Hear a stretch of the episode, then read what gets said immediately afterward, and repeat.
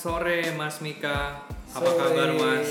Kabar baik Ruben. Eh, Mas Mika ini adalah sahabat diskusi. Karena kalau ngobrol sama Mas Mika, pulang tuh langsung kayak tercerahkan gitu ya. Ada banyak ide-ide baru gitu ya. Ada banyak eh, hal-hal baru yang saya pelajari. Nah, eh, Mas Mika adalah dokter. Jadi hari ini podcast saya ini kedatangan seorang dokter, Mika Catur Firmanto. Eh, Mas Mika, eh, ya. udah 10 tahun lebih ya sebagai professional psychologist ya. iya. Mas ngomongin pengalaman nih Mas ya. Saya mau bagi podcast saya ini di dalam tiga bagian. Yang pertama kita kembali ke masa lalu sedikit ya. Eh, tentang awal-awal eh, Mas Mika berkarir. Lalu yang kedua kita bicara yang zaman sekarang, yang sekarang current issues. Nah yang ketiga kita coba maju ke masa depan. Nah Mas, masih ingat nggak Mas pekerjaan pertama Mas? Ya, pekerjaan pertama saya Ben sebenarnya dimulai dari ketika masih mahasiswa. Di mahasiswa itu saya bermain boneka. Hmm. Waktu itu sempat nge-MC juga, sempat main boneka. Banyak pengalaman berharga lah. Itu kurang lebih sekitar tahun 2002 sampai di tahun 2005. Kemudian setelah Hmm. itu baru memasuki dunia praktis, dunia benar-benar industri manufacturing yang waktu itu ya Mm-mm. di makanan bekerja sebagai HR dan kemudian sampai saat ini saya pindah ke sebuah pharmaceutical manufacturing bekerja di bawah learning center selain menjalankan learning center juga sebagai psikolog. Nah di sinilah saya menemukan bahwa apa yang saya pilih eh, sangat bermanfaat dan sangat memberikan makna buat banyak orang. Nah, kenapa dokter, Mas? Maksudnya hmm, biasanya kan sampai satu titik eh, orang-orang tuh kayak udahlah saya S2 aja gitu, master degree. Ya, saya punya alasan pribadi yang saya ambil. Yang pertama adalah saya begitu cinta dengan psikologi, Mhm. sehingga saya ingin mengembangkan satu metode, satu konsep yang kita sebut dengan stres dan coping. Ya. Alasan kedua adalah karena saya ingin memang satu saat nanti dengan menjadi dokter ini, saya tidak ahli dalam hanya berpraktek saja, tapi saya memahami konseptual framework yang ada pada psikologi, terutama pada apa yang saya minati, sehingga saya bisa mempertanggungjawabkan apa pun yang saya lakukan ketika saya berpraktek. Itu alasan dua mendasar keputusan saya pada akhirnya mengambil dokter, walaupun itu dijalani juga dengan tidak mudah, karena saya bekerja juga Iya, dalam pasti. satu sisi. Pasti itu challenging sekali ya, Mas. Bekerja sebagai karyawan ya. Eh, saya ingat Mas Mika pernah cerita dulu bahwa orang tua Mas Mika itu berkarir di bidang militer. Hmm. Eh, biasanya nih stigma yang ada di masyarakat. Biasanya kalau orang tuanya itu berkarir di militer, anaknya juga ikut Iya. di militer juga. Lantas, jauh-jauh ya. ah, kenapa bisa masuk ke psikologi nih Mas? Mantap. Jadi sebenarnya cita-cita waktu dari kecil Ben itu Iya. adalah ingin menjadi militer. Kayaknya lihat papi itu wah keren banget, gagah dengan pangkatnya dengan segala apa namanya brevet dan seterusnya. Ah, ah. Sampai ketika di SMP SMA saya Hmm. memiliki sedikit perbincangan dengan papi saya. Eh, waktu itu waktu menentukan akan mengambil keputusan apa selesai SMA, papi saya memberikan sebuah pilihan. Ditanya bahwa kamu ingin benar-benar jadi militer atau apa. Nah, pada momen itu saya memiliki satu ketakutan yaitu tidak percaya diri. Jadi kalau lihat Mika yang sekarang akan sangat jauh berbeda dengan Mika yang Iya. terdahulu. Kalau saya nggak percaya kalau ke PD dulu. Mungkin berhadapan dengan Ruben saya akan sangat menutup diri gitu. Nah singkat cerita sampai saya berpikir bahwa oh iya ya papi saya juga cerita militer dunia yang keras, mami saya juga bercerita udah cukup papi aja yang jadi tentara jangan anak-anaknya dan seterusnya. Sampai akhirnya saya berpikir bahwa oke saya mengambil keputusan saya harus mengobati ketidakpercaya dirian saya. Hmm. Saya cari-cari, saya pelajari, ketemulah psikologi. Karena Ya. saya berharap dari psikologi bukan untuk menjadi psikolog sebenarnya, tapi untuk membuat saya lebih confident waktu itu. Iya. Karena saya nggak ngerti sama sekali psikologi.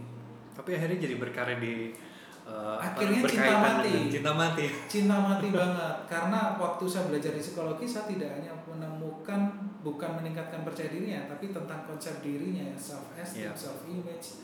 Tapi saya menemukan hal yang lain, bagaimana misalkan ya satu teori yang saya sangat suka eh, teori Kubler-Ross, teori kematian. Saya jadi tahu berapa tahapan kematian Oh. ketika orang akan menjelang meninggal atau tidak ada mati. Lalu di lifespan-nya Linda Davidoff dipelajari juga bagaimana emosi itu bertumbuh. Si Alan Meyer menjelaskan juga tentang stres. Banyak rahasia di psikologi yang akhirnya wow, hidup manusia itu luar biasa kaya dan saya temukan itu di psikologi sehingga saya mulai mencintai Hmm. untuk mulai mengenal apa sih manusia itu. Wow. Itu kenapa saya memilih psikologi dan kenapa sampai ambil Iya. S3. Mas, eh, ini kita masih bicara di masa lalu nih. Mungkin sampai sekarang ya. Iya. Eh, ada nggak sih ada satu pernah nggak sih nemuin satu kasus psikologi Iya. eh, yang menarik yang yang Mas Mika tuh nggak bisa lupa? Eh, satu pengalaman mungkin saya bicara kasus saja satu pengalaman yang mungkin selama sepanjang saya psikologi ya. Ya. Eh, kalau saya boleh mungkin sedikit mendetailkan eh, pengalaman saya yang paling berkesan adalah waktu saya di penjara. Oh, Eh, mungkin kalau saya boleh sebut nah, karena ini juga cukup dikenal adalah di lembaga pemasyarakatan kelas 1 eh, Surabaya waktu itu. hmm. Saya sempat mengambil sebuah riset di sana, tapi sekaligus juga belajar Iya. eh, untuk memahami konsep-konsep psikologi. ya. Itu menjadi pengalaman yang sangat menarik sekali ketika bisa berinteraksi dengan para sipir, yaitu polisi penjara. Hmm. Di situ saya menemu, mendengar cerita mereka, bagaimana mereka menjaga tidak hanya keamanan, tapi mereka juga harus membangun hubungan yang baik dengan para napi, mengembangkan mereka. Saya melihat bahwa psikologi banyak diterapkan sehingga itu menjadi kesan tersendiri karena dari lembaga pemasyarakatan itulah, karena dari pengalaman itulah lahirlah terapi tawa yang Oh, saya lakukan hingga sampai saat ini Hmm. dan itu yang membuat trigger bahwa ya inilah psikologi Bicara tentang terapi tawa sedikit kita Ya. masuk sedikit. Em, sebenarnya apa sih yang dipelajari? Maksudnya begini mas, Eh, apakah kita datang hanya untuk tertawa saja atau memang ada makna di balik tertawa itu? Ya. Maksud saya kayak ketawa sendiri itu kan kayaknya aneh juga gitu betul ya. betul betul mantap jadi eh, kunci dari terapi tawa itu sebenarnya kalau di konsep psikologinya nih Ya. konsep kerennya Ya. dikenal emotional focus coping coping itu adalah cara untuk menetralisir atau menurunkan stres Hmm. atau memanage stres atau stresor emotional focus adalah fokusnya yaitu pada emosi sehingga terapi tawa ini menjadi satu bentuk treatment yang efektif bagi kita yaitu ketika kita melakukan terapi tawa banyak hormon-hormon positif yang akan uh, terstimulasi di dalam tubuh kita untuk memberikan respon positif juga. Nah tadi Ruben menyampaikan hal yang menarik. Kalau ketawa-ketawa sendiri tuh bagus nggak sih? Ketawa ketika itu terukur, Iya. tertawa ketika stimulasinya jelas itu menjadi hal yang. Tapi ketika tertawa itu sudah menjadi uncontrollable behavior atau perilaku yang tidak dikontrol, bahkan tidak dalam kesadaran dia itu menjadi tidak baik. Nah, kapan menjadi terapeutik? Terapi itu menjadi terapeutik ketika itu dilakukan dalam berkelompok. Lalu Ya. Mas, apakah ah, mungkin melakukan terapi tawa ketika itu dilakukan sendiri? Bisa, namanya meditasi tertawa. Tapi itu perlu jam terbang yang tinggi dan itu perlu pendamping fasilitator. Ya, jadi Sehingga nggak sembarangan ya, Benar. terukur ya. Benar. Sehingga tertawa ini kalau ditanya treatmentnya apa sih? Ketika kita melakukan tertawa, banyak hal yang positif di dalam tubuh kita akan menstimulasi kita untuk bertindak secara positif juga. Nah, eh, ngomong-ngomong eh, bertindak secara positif ya Iya. di pekerjaan Mas Mika selama ini di manufacture ini, eh, ketemu nggak sih pernah nggak sih menemukan Hmm. behavior atau eh, apa ya tindakan dari karyawan yang ada gitu tuh yang outputnya tuh stres, maksudnya eh, ya boleh dibilang stres lah gitu. Eh, pasti banyak dong ya Mas ya. Eh, jumlah mungkin perlu dicek kembali, banyak tidak relatif, Iya. tapi apakah menemukan? Iya, menemukan. Ketika mereka punya target, Mm-mm. dalam pekerjaan mereka ketika mereka satu ya ketika mereka punya target dalam pekerjaan mereka. Dua ketika mereka berhubungan dengan manusia Ya. people. Dan tiga ketika mereka punya keinginan atau mimpi Ya. dalam dirinya pasti mereka ketemu konflik. Dan konflik itu yang membuat mereka ketika mereka tidak bisa manage dengan baik itu akan menjadi stresor dan stresor itulah yang menyebabkan stres. Jadi Hmm. apakah ada perilaku tersebut? Ada. Di organisasi sangat-sangat nyata ada kalau di leadership sendiri di perusahaan tempat mas bekerja gimana Ba- ketemu banyak nggak ketemu leader-leader atau manajer atau eh, apa kepala bagian mungkin yang Iya. stres gitu akhirnya ketemu yang stres ada tapi banyak tidak yang saya sampaikan tadi relatif Iya. tapi di dalam konsep leadership eh, saya sering menemukan perilaku perilaku yang nyata misalkan Hmm. mereka menjadi datang ke saya Hmm. sambil bilang Mik gimana ya sekarang ya aku jadi ngomel-ngomel sendiri tadinya nggak pernah marah-marah sekarang sampai rumah aku jadi ngomel-ngomel juga marah-marah juga padahal masalah kerjaan iya mereka ada dalam satu stase di mana mereka mengalami stresor. Ada juga perilaku yang lain, misalkan aku jengkel sama anak buahku, udah aku mending diam. Nah perilaku diamnya ini kadang-kadang sampai ketika mereka pulang, mereka tidak bisa tidur, mereka cemas, mereka pikirkan karena mereka khawatir pada kondisi pekerjaan yang tidak diselesaikan atau bahkan kondisi perselisihan dengan anak buah. Hal yang simpel sekecil apa pun di dalam industri jika dia tidak mampu memanage dirinya dengan baik Ya. itu akan bisa dibawa pulang ke rumah dan dia bisa stres ini tidak hanya dalam kotak bawa pulang ke rumah stres itu juga terjadi di dalam lingkungan industri antar teman hubungan atasan bawahan Hmm. bawahan nggak setuju dengan keputusan atasan stres atasan meminta tolong ke bawahan nggak dikerjain stres. Stres juga. Ya. targetnya dinaikin stres. nah em, mas biasanya kalau menghadapi leader yang datang ke mas Mika ya. eh, minta nasihat atau minta masukan gitu biasanya tips-tips apa sih yang yang yang eh, mas Mika kasih kepada mereka? Oke. Yang praktis gitu. Ya, yang praktis mungkin singkatnya saya biasa sering memberikan 3K.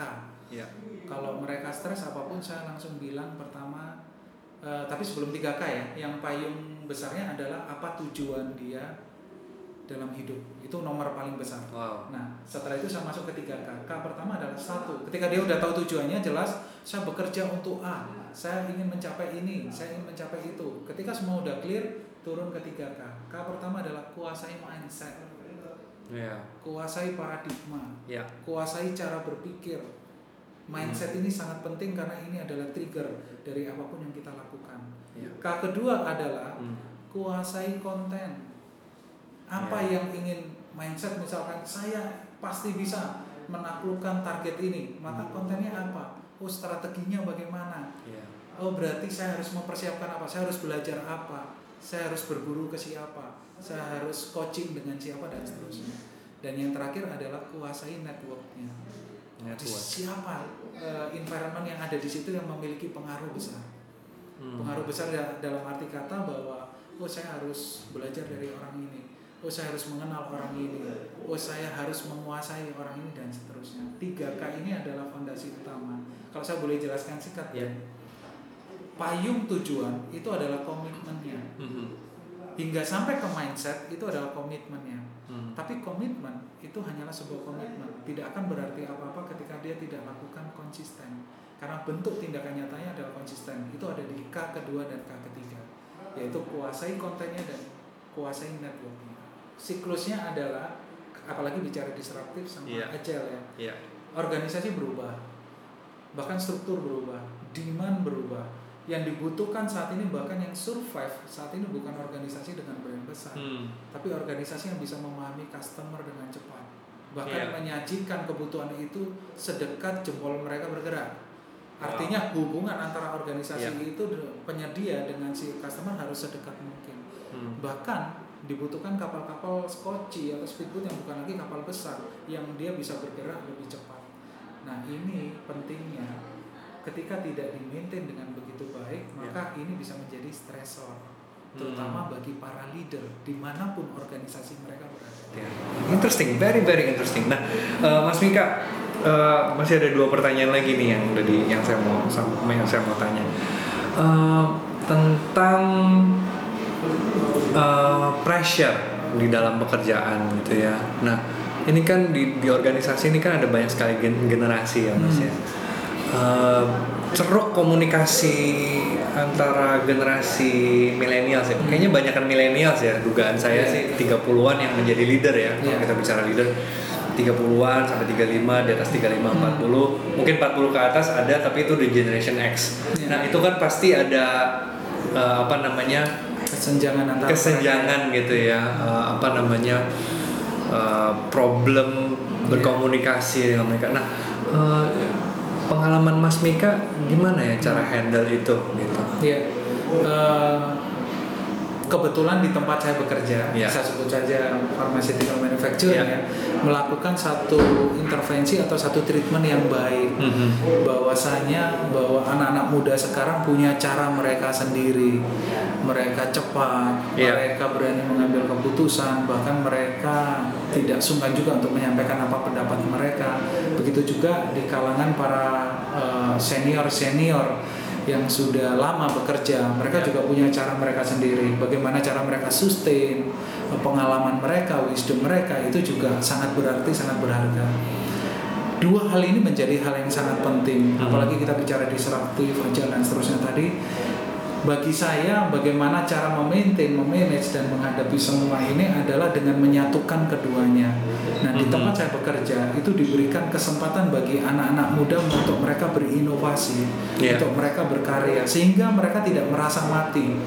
Sangat mudah bagi anak-anak sekarang untuk berpindah kerja ketika ide mereka tidak diberikan satu wadah, satu tempat bahkan diwujudkan, mereka Mhm. akan ya sudah, aku pindah. itu sangat mudah sekali. Begitu juga para senior-senior kita yang diperhadapkan pada satu tantangan yang kadang nggak bisa pakai cara lama. Mereka harus mau belajar sesuatu yang baru. Orang-orang senior yang harus juga mau memahami perubahan-perubahan organisasi. Nah, ketika dua ini dipertemukan, maka ini akan bisa menjadi satu hal rahasia yang luar biasa. Ya. Masalahnya pasti akan muncul konflik. Nah, konflik inilah yang di tempat saya bekerja bisa di-maintain melalui kelompok-kelompok kecil dengan membentuk satu tim dengan Kecil-kecil. Iya, kecil-kecil dan mereka tidak by level ya, mereka Iya. menjadi satu tim kerja Mhm. dan mereka memunculkan inovasi-inovasi yang menurut saya brilian dan hari ini di tempat saya bekerja mereka bisa merasakan manfaatnya. Mhm. Jadi kuncinya kalau di garis bawahi adalah kekuatan anak muda, ambisi anak muda, keberanian anak muda itu adalah tenaga yang luar biasa untuk mencapai tujuan organisasi yang lebih besar. Dan bagaimana membuatnya sustain itu adalah rahasia dan kunci yang ada pada para senior kita. Untuk menjaga rumah itu tetap ada, membuat itu menjadi sebuah policy dan pada akhirnya kita mencapai tujuan organisasi tapi dengan standarisasi yang juga baik inilah kombinasi anak muda dengan eh, mereka yang cukup yang senior Ya. syarat dengan pengalaman Jadi kalau kita bicara jembatan, eh, yang senior bikin jalannya ya, Iya. bikin bikin koridornya ya mas ya. Iya. Jadi kalau mungkin SOP, bikin SOP atau Iya. peraturan-peraturannya, sehingga anak-anak muda dengan kreativitasnya bisa lewat di situ ya. iya Last but not least mas, eh, untuk eh, menutup podcast eh, saya ini, kalau Mas Mika dapat kesempatan untuk memasukkan satu ide aja ke pikiran orang-orang yang mendengarkan podcast ini, kira-kira Mas mau ngomong apa?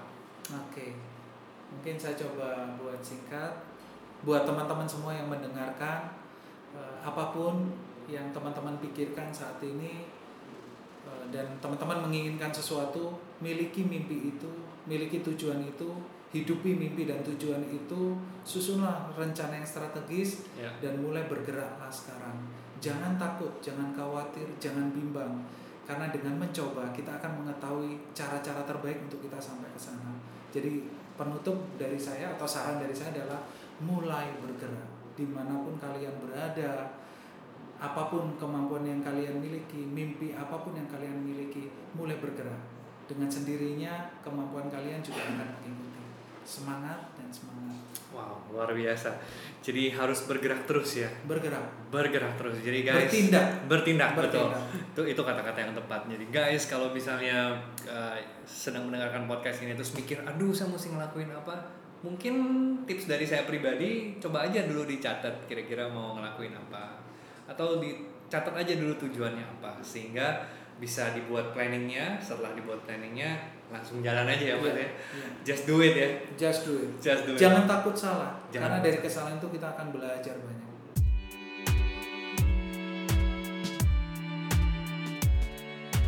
Oke guys, thank you very much. I'm gonna see you next time. Thank you banget Mas Mika. Iya, sama-sama. Kita Ruben. pasti akan ngobrol lagi, tapi topiknya berbeda kali ya. Iya. Oke, thank you Mas. Iya, makasih.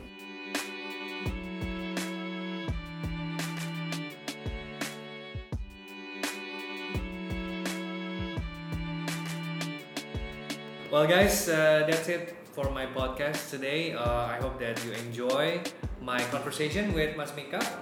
Uh, jangan lupa untuk subscribe, jangan lupa untuk kasih input, masukan, saran apa pun untuk uh, ke depan podcast ini jadi podcast yang bermanfaat dan lebih baik.